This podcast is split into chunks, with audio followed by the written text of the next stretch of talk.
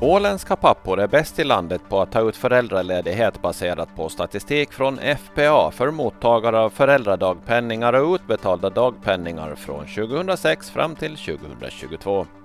Under fjolåret tog männen ut 15,9 procent av andelen dagar medan motsvarande siffra för hela landet var 12,2 procent. Vikariesituationen vid OHS ser generellt sett bra ut, säger Lea Söderström som är överskötare.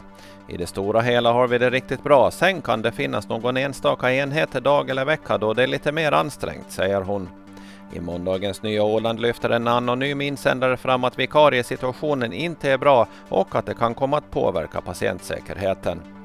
Bidraget till Lucia-insamlingen på Åland blev år 2022 10 850 euro.